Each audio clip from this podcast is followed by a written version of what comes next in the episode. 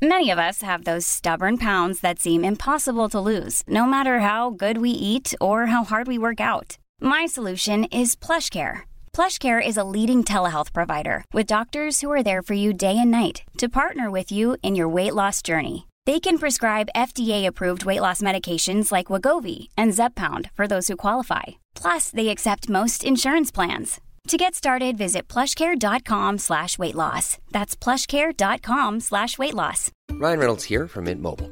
With the price of just about everything going up during inflation, we thought we'd bring our prices down. So to help us, we brought in a reverse auctioneer, which is apparently a thing. Mint Mobile unlimited premium wireless. Have to get 30, 30, bit to get 30, bit to get 20, 20, 20, bit to get 20, 20, bit to get 15, 15, 15, 15 just 15 bucks a month.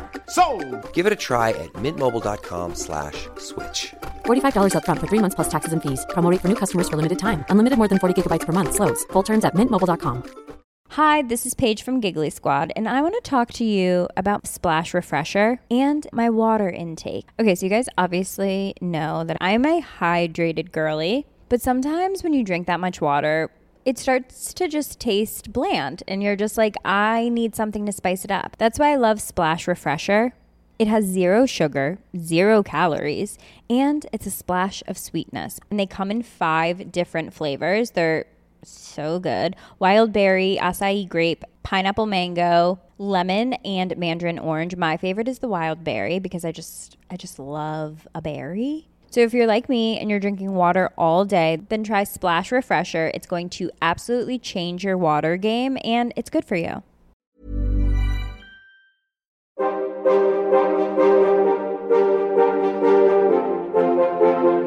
De oudheid is fascinerend. Een enorme puzzel waarvan we stukjes hebben. En heel veel stukjes ook niet. Al op de basisschool trokken de verhalen over het oude Egypte, de Romeinen, Griekse mythen, het oude China en het onderzoek naar al die oude culturen en mensen me als een magneet naar zich toe. En ik wil meer. Graag neem ik, Timo Epping, je in deze podcastserie mee op reis naar het verre verleden. Ik ga in gesprek met wetenschappers die ons in iedere aflevering een uurtje meenemen in hun eigen onderzoek. Hun eigen zoektocht naar de oudheid. Het is tijd voor de oudheid.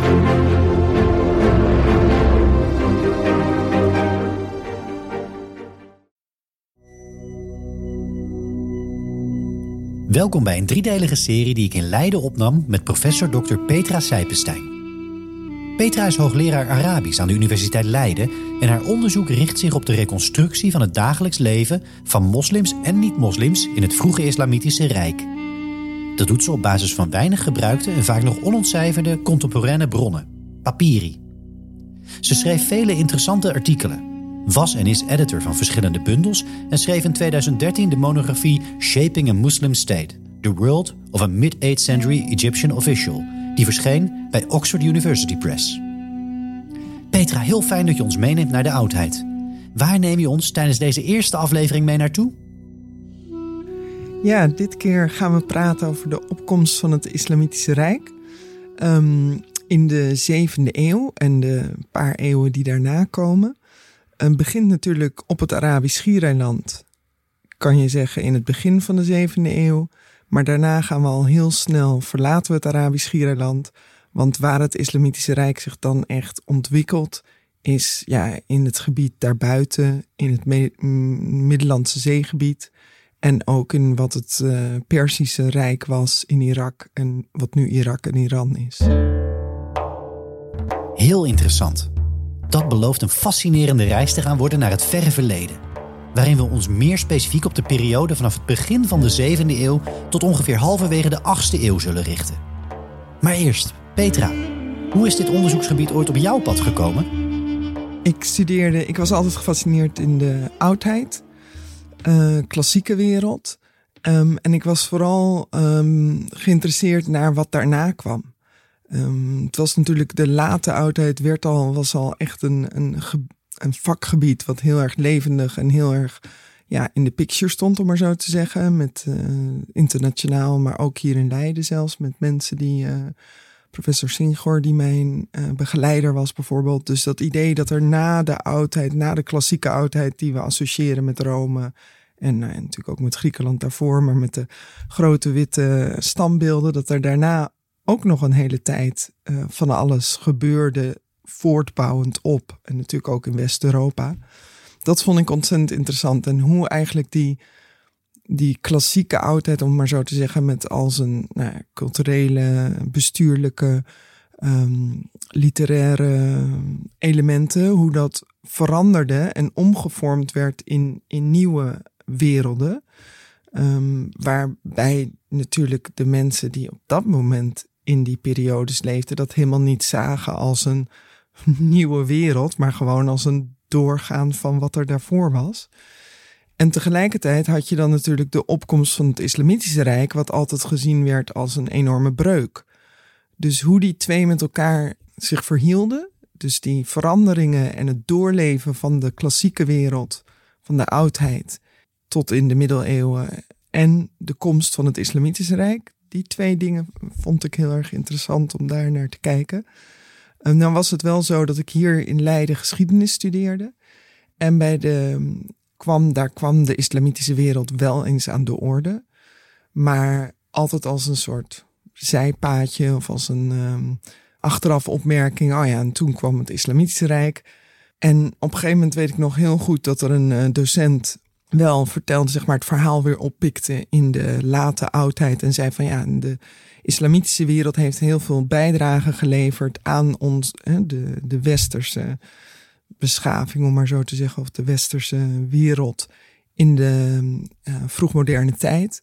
Toen vroeg ik aan hem van, nee, maar waarom, waarom was er dan in de islamitische wereld zoveel aan de hand, zoveel ontdekkingen, zoveel ontwikkelingen op uh, wetenschappelijk en intellectueel gebied en in Europa niet? Wat was daar zo bijzonder in die, uh, in die wereld? En dat ging dan dus over de middeleeuwse islamitische wereld. En toen zei hij van ja, dat doen we hier niet, want we doen uh, Europese geschiedenis en Noord-Amerikaanse geschiedenis. Als je geïnteresseerd bent in de islamitische wereld, dan moet je Arabisch gaan studeren. En dat ben ik toen gaan doen. En toen heb ik me eerst, ja, werd ik wel eerlijk gezegd gegrepen ook door de moderne, de contemporaine Arabische wereld en alles wat daar speelde.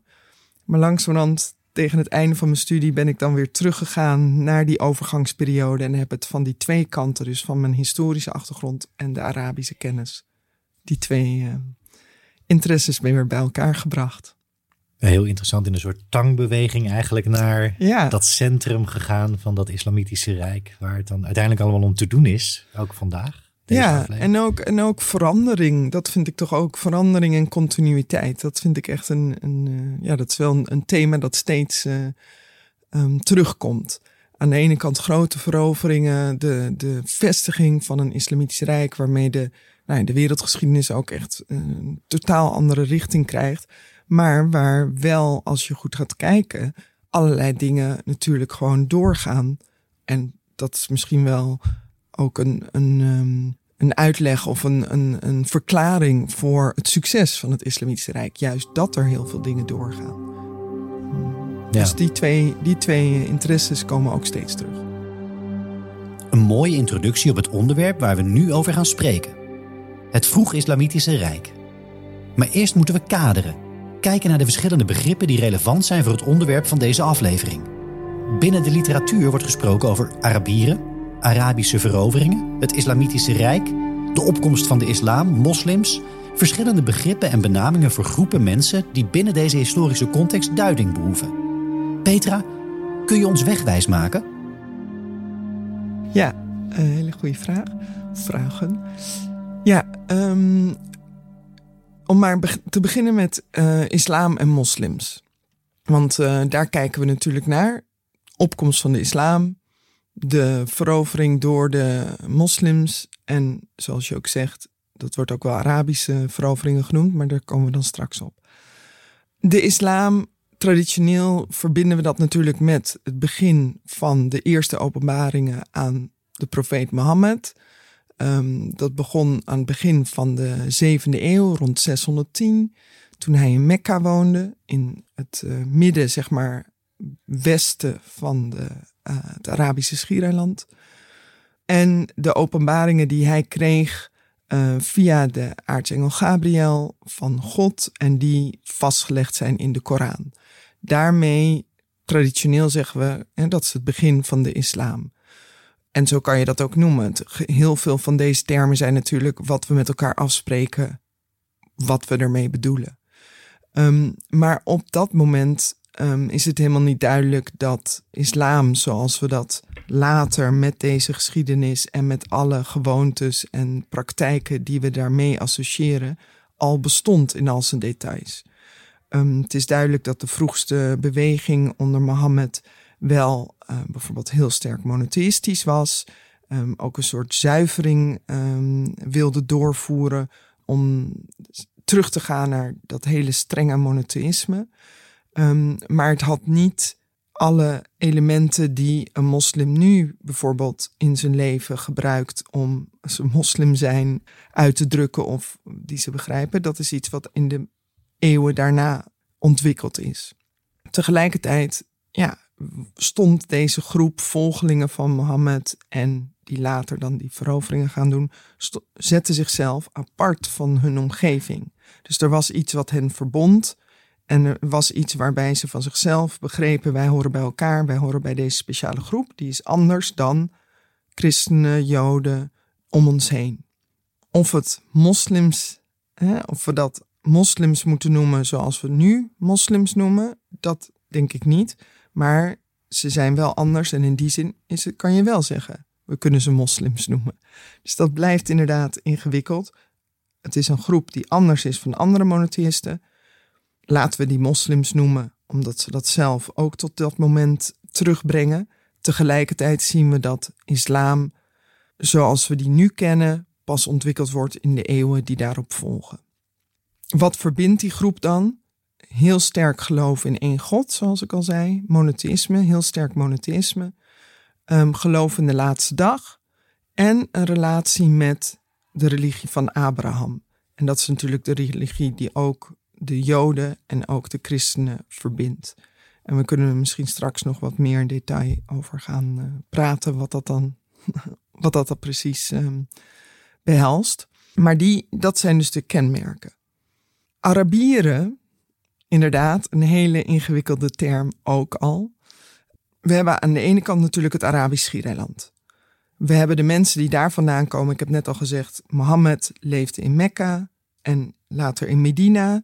Twee steden op het Arabische schiereiland aan um, de westkust. Dus dat is een geografische locatie, kan je zeggen.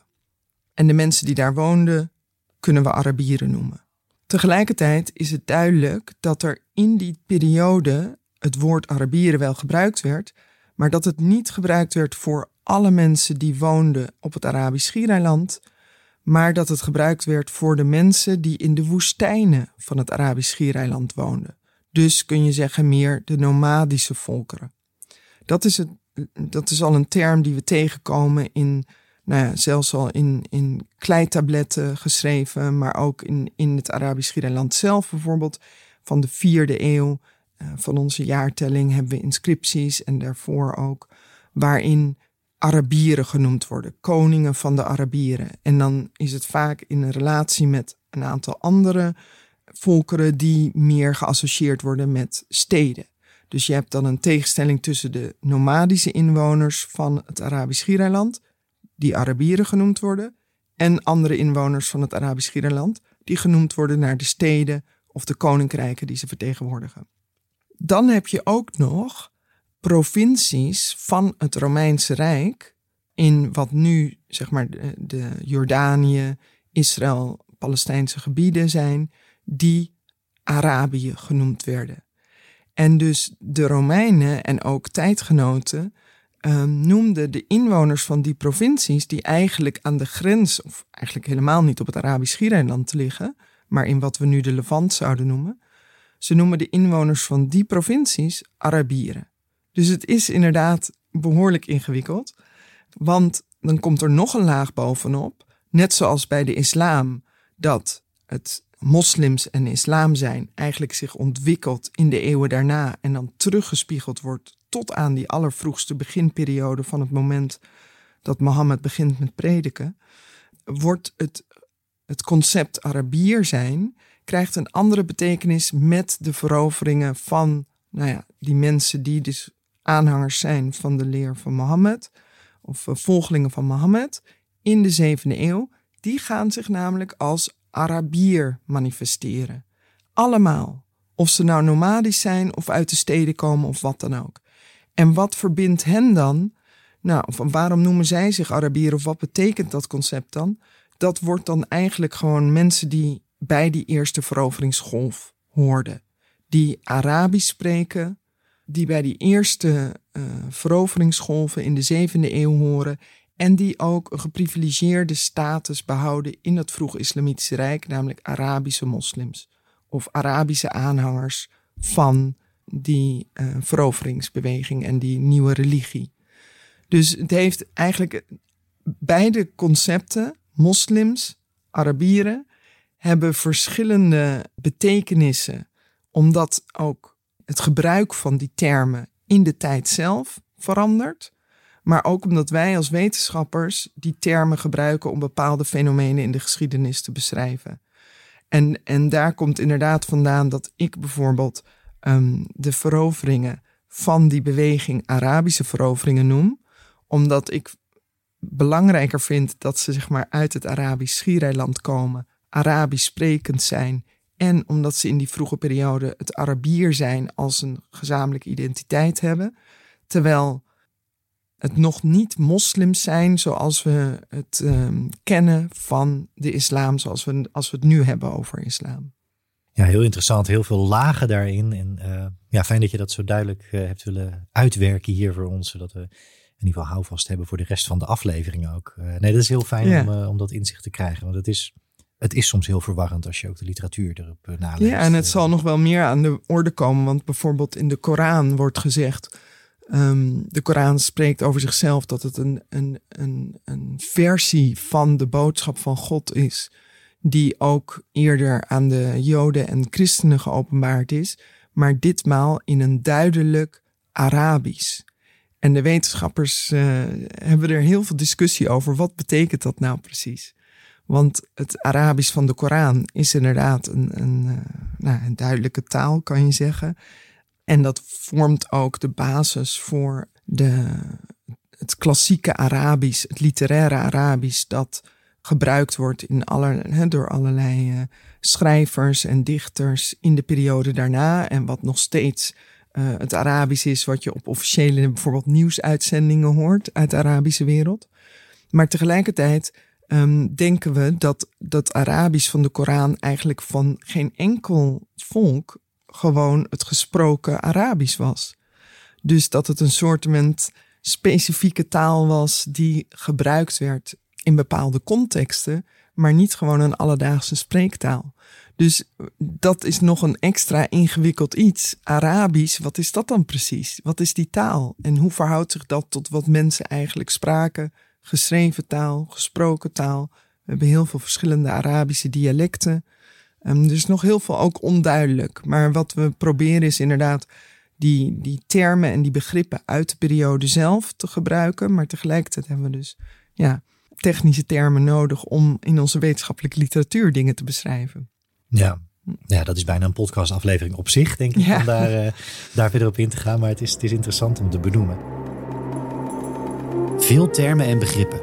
Veel zaken om rekening mee te houden en ook nog altijd veel onduidelijkheid. Maar naar de bronnen nu.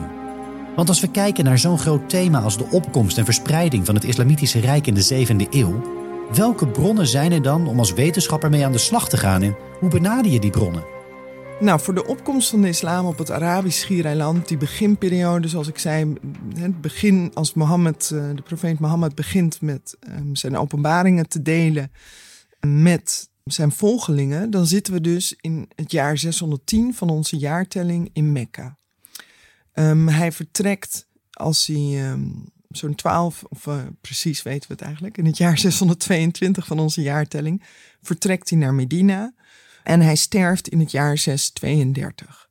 Dan zijn de veroveringen buiten het Schiereiland eigenlijk nog niet begonnen. Hij heeft één veldtocht uh, daartoe opdracht gegeven naar wat nu zeg maar het zuiden van Jordanië is.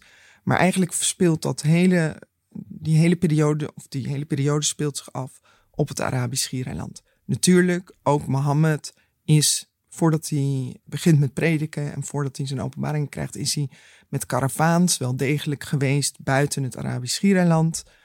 Maar goed, van het moment dat hij zijn openbaringen begint eh, van 610 van onze jaartelling, zitten we op het Arabisch Schiereiland in het gebied wat we noemen de Hijaz. Dus dat is aan, het, aan de kust.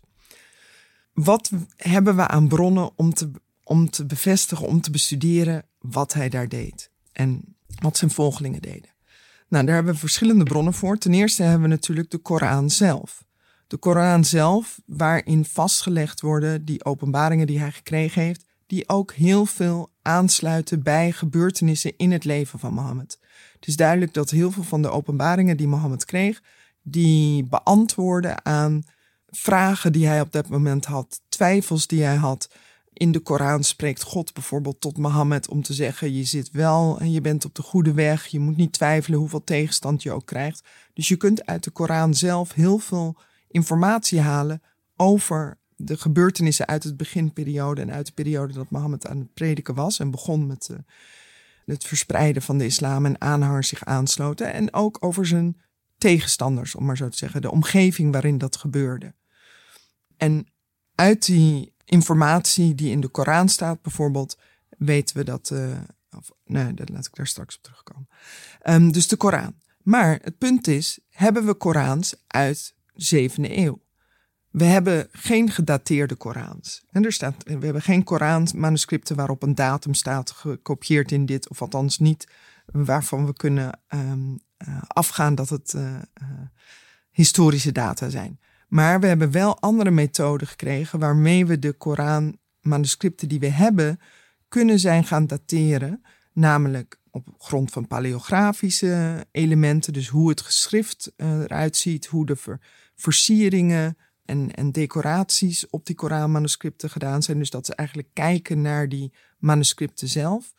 Uh, de taal die in die vroegste fragmenten staat, um, daar is veel meer bekendheid en veel meer onderzoek naar gedaan.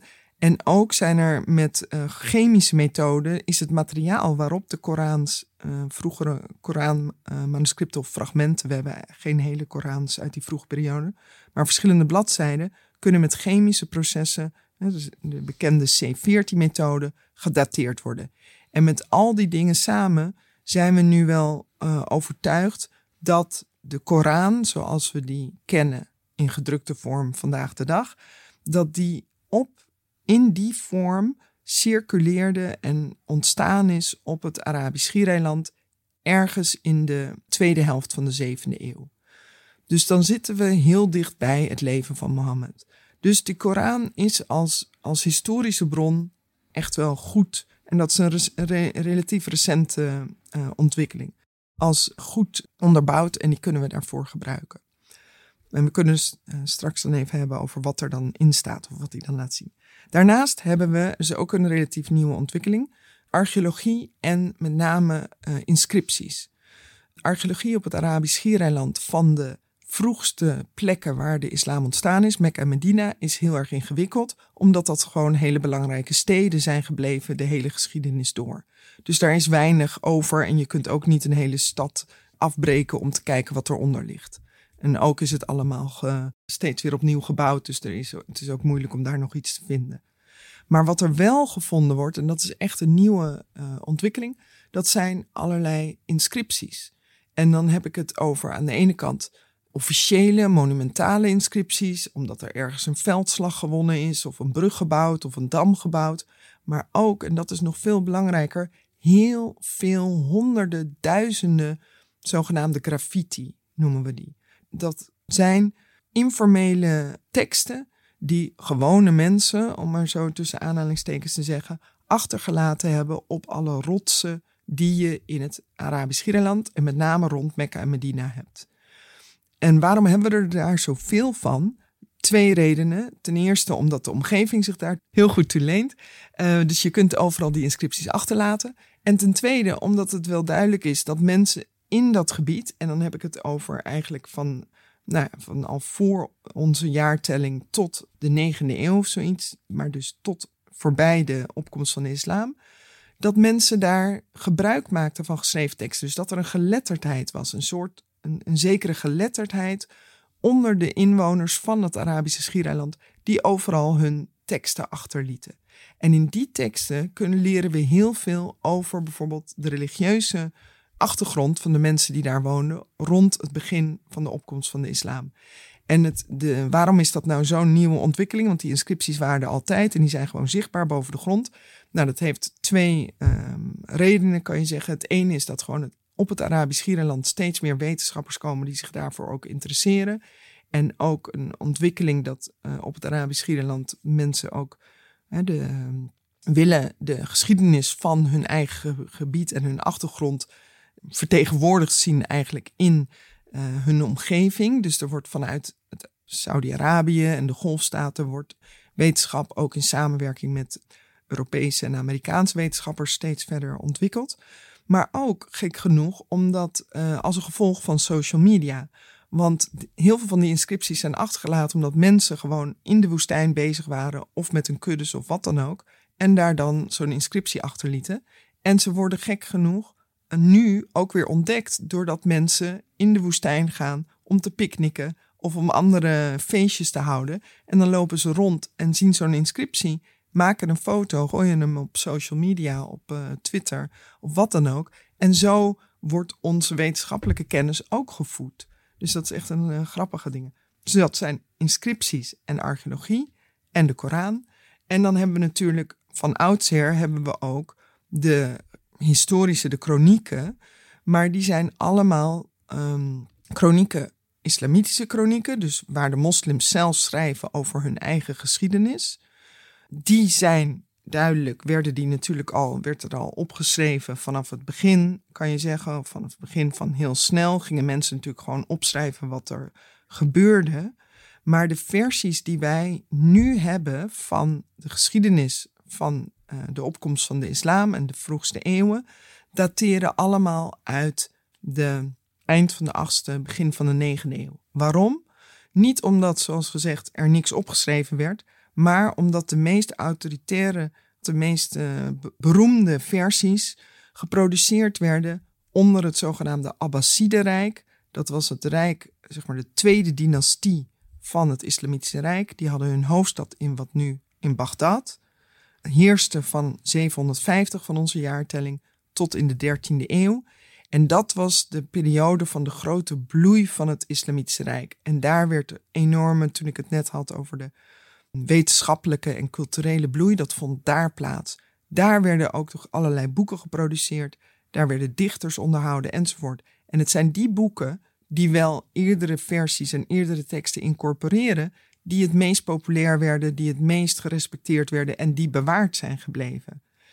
Maar dat was dus ook 200 jaar na de opkomst van de islam, in een omgeving waar allerlei instituties, ideeën over wat de islam moest zijn, ook gevormd werden. We zitten 200 jaar later, er zijn verschillende dynastieën geweest.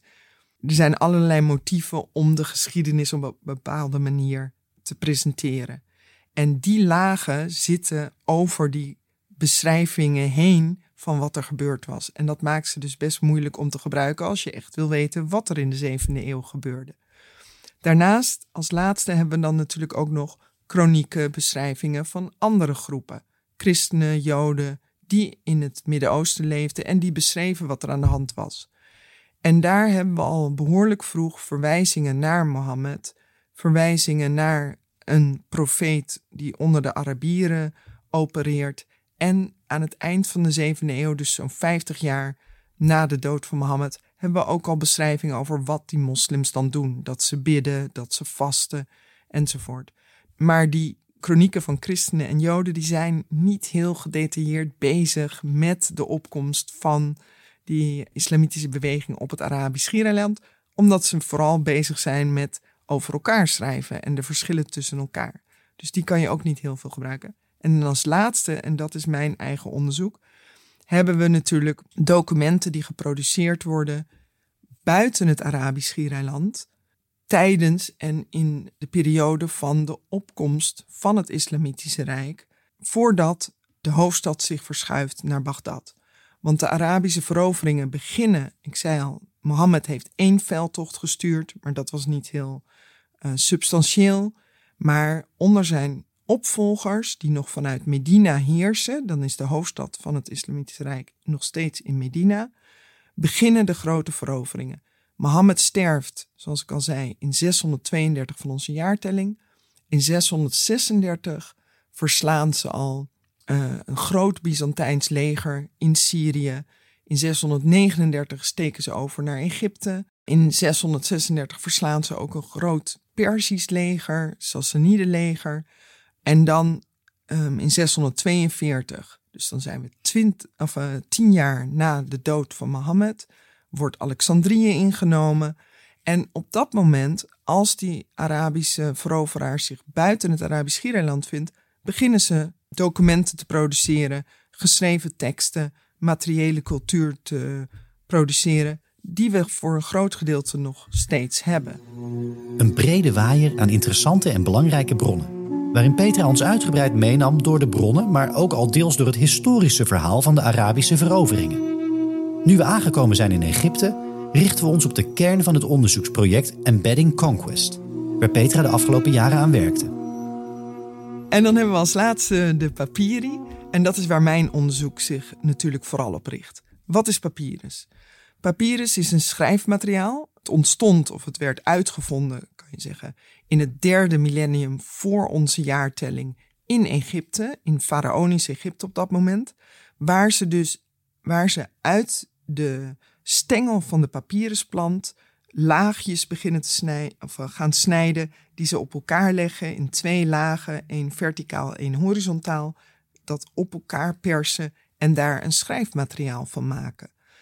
Dit is een ontzettend bruikbaar materiaal, licht, kan, uh, is als het net gemaakt is, heel flexibel. Je kunt het oprollen, je kunt het verschepen, uh, overal naartoe vervoeren en dat gebeurt dan ook. Dus over het hele bekende wereld, om maar dan te zeggen, op dat moment, de hele mediterrane wereld en ook op het Arabisch Schiereiland, wordt papyrus gebruikt als het schrijfmateriaal. En dat is dus vanaf het begin dat het uitgevonden wordt. Natuurlijk hebben we ook kleitabletten en we hebben ook leer en we hebben ook stenen waarop geschreven wordt, maar papyrus wordt echt het belangrijkste schrijfmateriaal. Dus vanaf het moment dat het uitgevonden wordt tot de introductie van papier vanuit China. En dat gebeurt in de tiende eeuw van onze jaartelling. Dus voor die tussenliggende periode is papyrus het schrijfmateriaal. Geproduceerd in Egypte. Op papyrus wordt, wordt gebruikt voor elke mogelijke tekst die je maar kunt voorstellen. Dus we hebben op papyrus, want het was het schrijfmateriaal wat je voor alle dag, alle dagelijkse dingen gebruikte. Dus we hebben op papyrus werden brieven geschreven, officiële decreten van de keizers of van andere bestuurders. Um, werd geschreven op papyrus, maar ook contracten, privé, uh, uh, documenten die in de privésfeer geproduceerd werden, juridische contracten, huwelijkscontracten, scheidingstransacties, alimentatiebetalingen werden vastgelegd, verkoopcontracten van huizen, van tot slaafgemaakte, van stukken land, van wat je je ook maar kunt voorstellen, maar ook uh, privébrieven, uh, zakelijke brieven, handelaren die elkaar moesten dingen opdracht toe opdracht geven, maar ook familieleden die tussen elkaar correspondeerden. Uh, maar we hebben ook lijsten met uitgaven van grote landgoederen, of lijsten van gevangenen, of lijsten van belastingbetalers. Voor de islamitische periode lijsten van mensen die zich bekeerden tot de islam. En ook kleine notitietjes die mensen gewoon elkaar hè, voor zichzelf even opschreven. Een klein kattenbelletje of schrijfoefeningen of wat dan ook. Ook uh, oefeningen die in scholen gebruikt werden. Alles wat je je nu ook kunt voorstellen, wat op papier geproduceerd wordt, hebben we ook op papyrus. En waarom hebben we dat dan nog? Nou, dat hebben we dankzij de speciale klimatologische omstandigheden in Egypte. Dat daar namelijk um, de papieren terechtkwamen in de woestijn, vaak op vuilnisbelten in de woestijn, omdat ze daar, dat, dat konden ze toch niet gebruiken om te wonen en om te verbouwen. Dus daar maakten ze hun, uh, deponeerden ze hun vuilnis. Waaronder ook al die documenten die dan op een gegeven moment niet meer nodig waren. Want een brief, nou ja, als je hem eenmaal gelezen hebt en je hebt uitgevoerd wat erin staat, dan heb je hem natuurlijk niet meer nodig. Gooi je hem gewoon weg. Kwamen terecht in die vuilnisbelten. En omdat in Egypte weinig regenval is, waren die papieren, die van een organisch materiaal natuurlijk zijn gemaakt en zouden verrotten zodra ze met water in contact komen, waren daar eigenlijk perfect afgesloten, zeg maar hermetisch afgesloten door die woestijnzanden en zijn daar bewaard gebleven. Totdat ze op een gegeven moment aan het eind van de 19e eeuw en begin van de 20e eeuw weer opgegraven werden met alle grote opgravingen en interesses en terecht zijn gekomen in alle grote bibliotheken en museumcollecties eh, van de wereld en ook natuurlijk in Egypte nog steeds opgegraven worden. Wat maakt die papieren nou zo interessant? Ze zijn interessant om verschillende redenen. Ze zijn interessant omdat ze over dat alledaagse leven gaan. Ze vertellen je over alle beslommeringen waar mensen zich de hele dag mee bezighouden. En het zijn de documenten geproduceerd en vertellen over de mensen die je niet vaak tegenkomt in de geschreven kronieken. Want die worden vooral geschreven door, in steden door mannen uit de elite, om het even kort door de bocht te zeggen. Maar die papieren die gaan over iedereen. Want een tot slaafgemaakte schrijft misschien niet zelf een brief, alhoewel we dat ook hebben, maar wordt wel, daar wordt wel over geschreven. Of die komt voor in een, in een verkoopcontract. Die komt niet zo snel voor in een geschreven uh, chroniek of een literaire tekst. Als individu bedoel ik. Dus het soort, de dingen die ze vertellen, dat maakt ze interessant. Het maakt ze ook interessant omdat ze uit de tijd zelf stammen waarin ze geproduceerd worden. Dus een brief van een gouverneur waarop bepaalde maatregelen, beslissingen, bestuurlijke maatregelingen geschreven staan of beslissingen over wie wat moet doen of wat voor belastingen er betaald moeten worden, die werd dat werd geproduceerd op het moment zelf, opgeschreven op die brief. Die brief kwam terecht bij lagere uh, mensen in de administratie, is op een gegeven moment weggegooid, wordt nu door ons, hè, werd op een gegeven moment door, weer gevonden, wordt nu door ons gelezen en geeft dus precies weer wat er op dat moment gebeurde.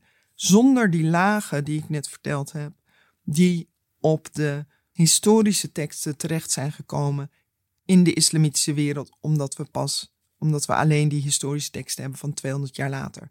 Dus de papieren komen uit die periode zelf. Dichterbij kom je eigenlijk niet. Nee, precies. En in die papieren vinden we dan, en daar wordt beschreven wat de moslims deden, wat um, ze deden met hun eigen, uh, de mensen die tot hun eigen groep behoorden, maar ook wat ze deden, hoe ze zich gedroegen ten opzichte van de lokale bevolking. En daaruit kan je natuurlijk destilleren wat die Arabische veroveraars of islamitische veroveraars met zich meegenomen hadden uit het Arabisch Schiereiland, waardoor je weer iets kunt gaan zeggen over wat dan kennelijk die elementen zijn die hen zo ja, bij elkaar deden horen, die hen kenmerkten. En daardoor kan je daaruit weer iets gaan halen, misschien over wat de islam op dat moment betekende. Of in ieder geval wat die groep met elkaar gemeen had. En hoe ze dachten over de wereld, hoe ze dachten over hoe de wereld georganiseerd moest worden. Hoe ze dachten over hoe er met niet-moslims omgegaan moest worden. Hoe ze dachten over hoe er met niet-Arabieren omgegaan moest worden enzovoort. Ja, en is daar iets in te zeggen, want je onderzoek richt zich specifiek op Egypte als onderdeel van dat grotere geheel. Hoe representatief is dat? Ja, dat is altijd een hele grote een vraag die mensen die zich met uh, het enorm rijke uh, materiaal wat uit de grond komt in Egypte vanwege die bijzondere omstandigheden van dat grote woestijngebied in Egypte waar ze mee geconfronteerd worden. Hoe representatief is Egypte?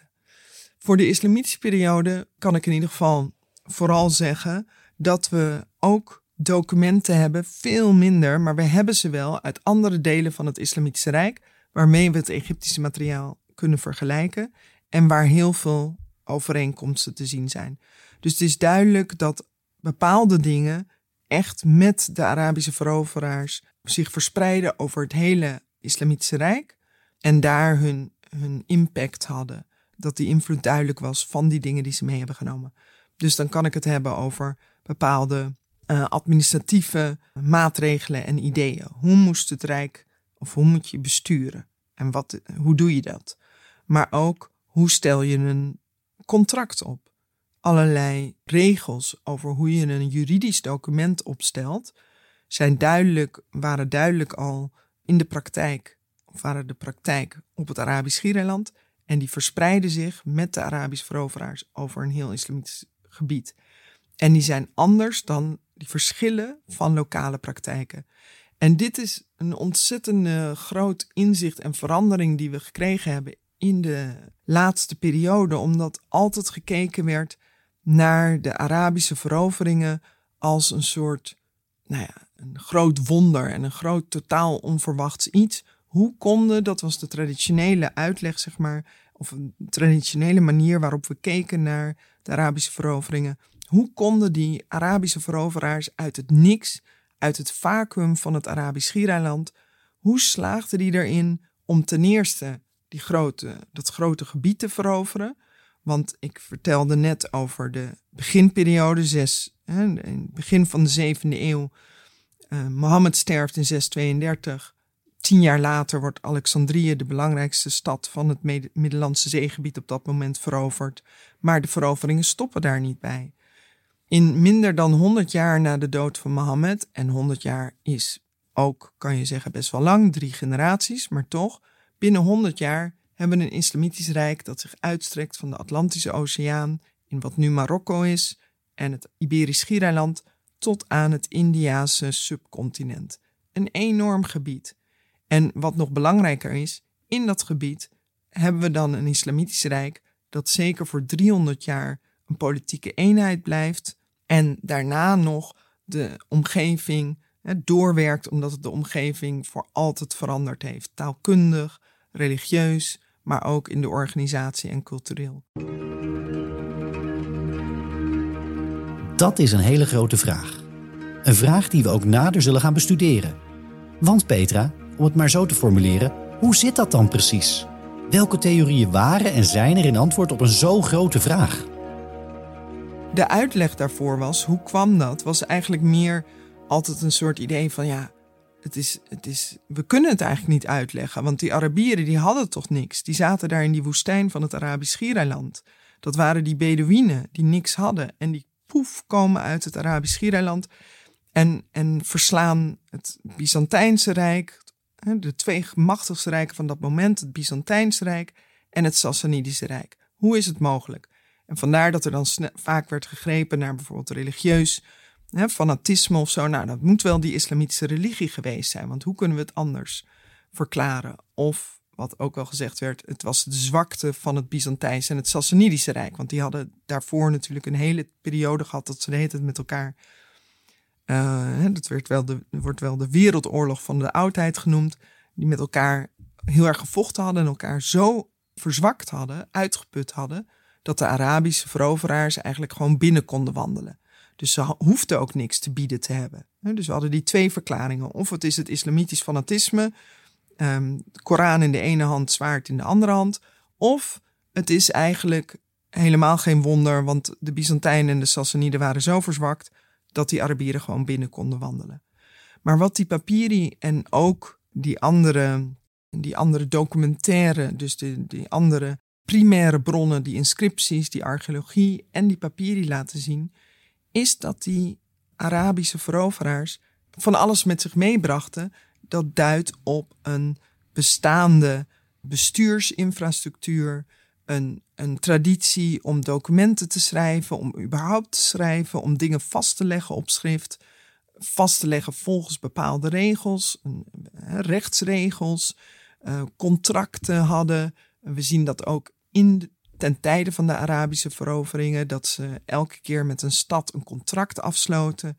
En dat ze ook al heel vaststaande ideeën hadden over hoe belasting geïnd moest worden, wie welke belasting moest betalen, hoe er, wat ik net al zei, omgegaan moest worden met de veroverde volkeren. En dat er dus, dat het helemaal niet zo'n mirakel is, niet zo'n uh, totaal onverwachte expansie van een nou ja, van, een, van een volk of een, een groep die niks te bieden heeft en die alles eigenlijk alleen maar dan haalt uit, van de plekken die ze veroveren.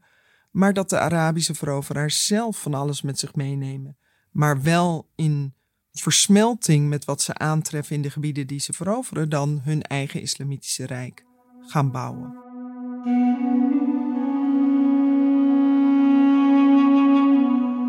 We begonnen deze aflevering met het persoonlijke verhaal van Petra. En we kwamen via een uitgebreide bespreking van het beschikbare bronnenmateriaal bij die hele grote vraag uit over de verklaring voor het succes van dat rijk. Over de historische gebeurtenissen gaan we het in de volgende twee afleveringen uitgebreid hebben. Maar voor nu sluiten we af met de bronnen, de papieren meer specifiek. Petra zal nu een casus met ons gaan bespreken ter illustratie van wat die documenten ons leren. Hoe ze ons op lokaal niveau en op een grotere schaal iets leren over de opkomst en verspreiding van het Islamitische Rijk. Dus de papieren die vertellen ons dan wat die Arabieren met zich meenamen. En dat is op cultureel gebied. Bijvoorbeeld, dat gaat er ook over dat ze andere dingen aten. Dus wij associëren natuurlijk de Middellandse Zee-dieet met olijfolie. Nou, de Arabieren wilden vooral boter en uh, kaas eten. De Arabieren wilden, de Arabische veroveraars wilden ook de hele tijd schapen eten. He, die, die, die, um, we hebben een, een heel vroeg ontvangstbewijs van de Arabische veroveraars als ze Egypte naar het, als ze in, naar het zuiden trekken om Egypte te veroveren, waarin ze vastleggen dat ze van de lokale bevolking schapen hebben ontvangen om de troepen, de militaire troepen, mee te voeden. In dit document, dat is opgesteld in het Grieks en het Arabisch, want het Grieks was de bestuurstaal in Egypte op het moment dat de Arabische veroveraars daar aankomen, was, waren er twee talen die gebruikt werden. Het Koptisch, dat is de laatste versie van het Egyptisch, geschreven in een alfabet gedeeltelijk Grieks, maar gedeeltelijk met een aantal aparte letters. En het Grieks. En de Arabieren voegen daarbij het Arabisch, maar ze blijven die andere talen ook gebruiken. En dit ontvangstbewijs voor die schapen is opgesteld in het Grieks en in het Arabisch. En dus dat document op zich is al heel interessant, want dit is dateert uit het jaar 22 van de islamitische jaartelling. En dat wil zeggen het jaar 643 van onze jaartelling. En zoals ik al zei, dat is één jaar. Alexandrië veroverd in 642. Eén jaar na de verovering van Alexandrië wordt er een document opgesteld waarin de lokale bevolking een bewijs heeft dat ze spullen hebben geleverd aan de Arabische troepen. Moet je nagaan.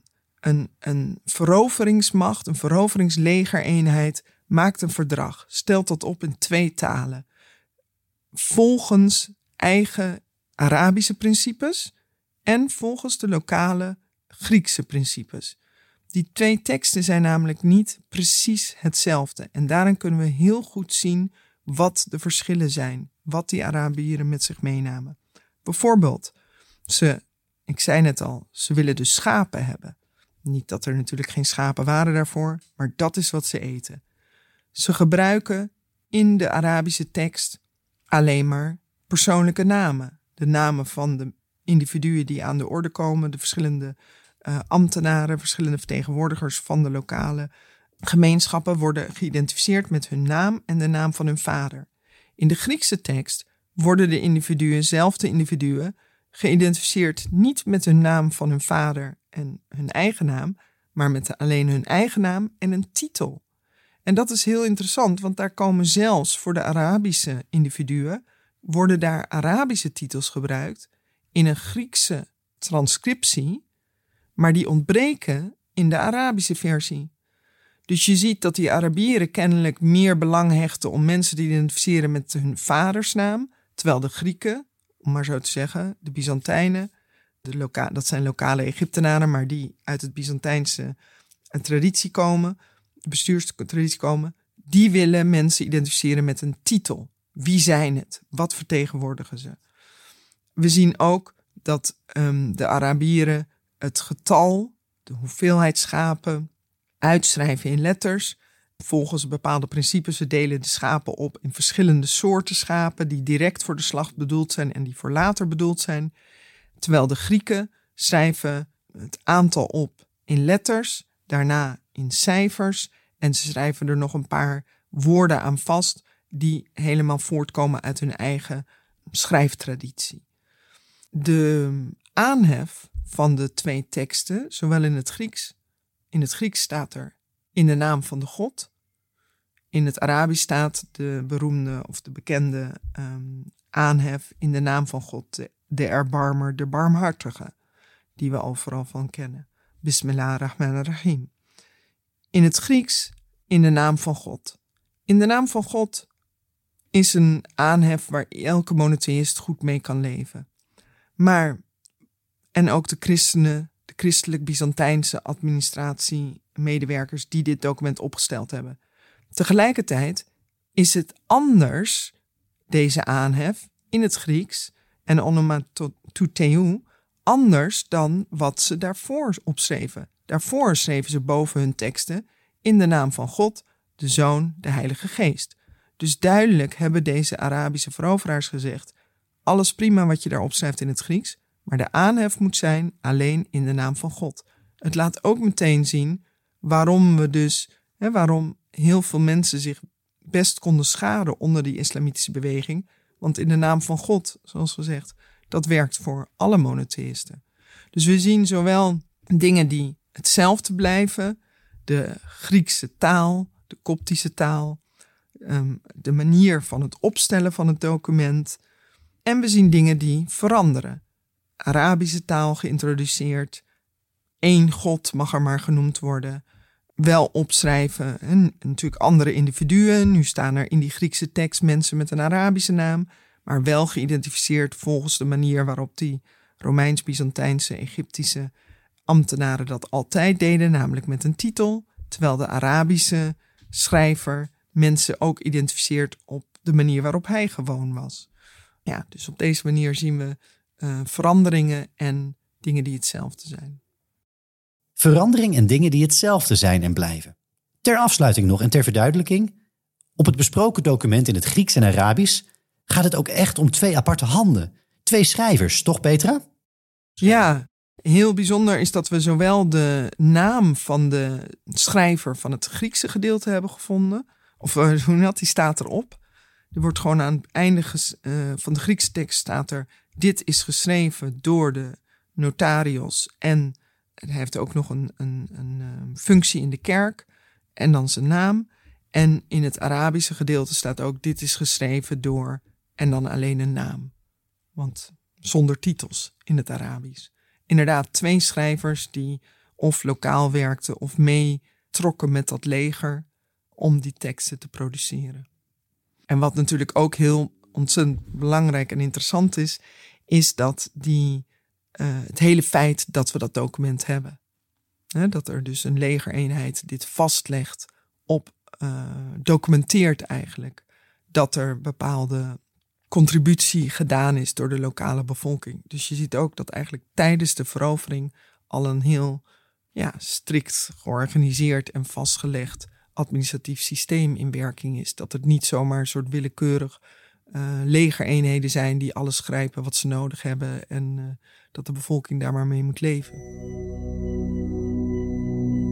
Dit was het eerste deel van de driedelige serie over de opkomst en verspreiding van het Islamitische Rijk met professor Dr. Petra Sijpenstein van de Universiteit Leiden. Binnenkort gaan we in het tweede deel dus uitgebreid in op de historische gebeurtenissen. De opkomst van Mohammed en de gebeurtenissen in de 7e en 8e eeuw.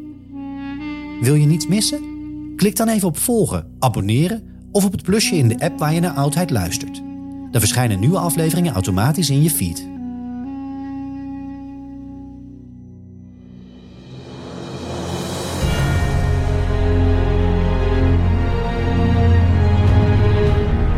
Dank je voor het luisteren naar De Oudheid, de podcast over het verre verleden. En wil je meer oudheid?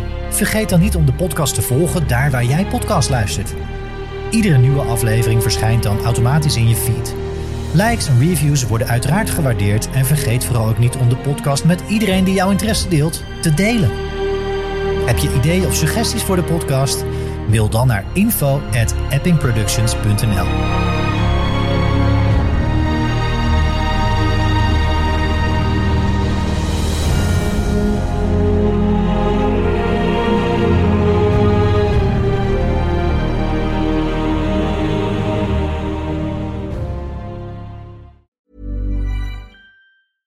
Hi, this is Paige from Giggly Squad, and I want to talk to you about Splash Refresher and my water intake. Okay, so you guys obviously know that I'm a hydrated girly, but sometimes when you drink that much water, it starts to just taste bland and you're just like, I need something to spice it up. That's why I love Splash Refresher. It has zero sugar, zero calories, and it's a splash of sweetness. And they come in five different flavors. They're so good wild berry, acai grape, pineapple mango, lemon, and mandarin orange. My favorite is the wild berry because I just I just love a berry. So if you're like me and you're drinking water all day, then try Splash Refresher. It's going to absolutely change your water game and it's good for you. ACAST powers the world's best podcasts. Here's a show that we recommend. The Real Housewives is a guilty pleasure for most, but if you're looking to not feel guilty about that pleasure, tune in to Everything Iconic with me, Danny Pellegrino, where I break down all the messy moments and behind the scenes antics of Bravo's popular franchise. And on Everything Iconic, I also interview celebrity guests like Kelly Ripa, Kiki Palmer, Drew Barrymore, Cameron Diaz, and more about their guilty pleasures, their past work, and so much more. So if you're pop culture obsessed and find yourself watching way too much reality TV like me, tune in to Everything Iconic with Danny Pellegrino wherever you listen to podcasts. ACAST helps creators launch, grow, and monetize their podcasts everywhere. ACAST.com.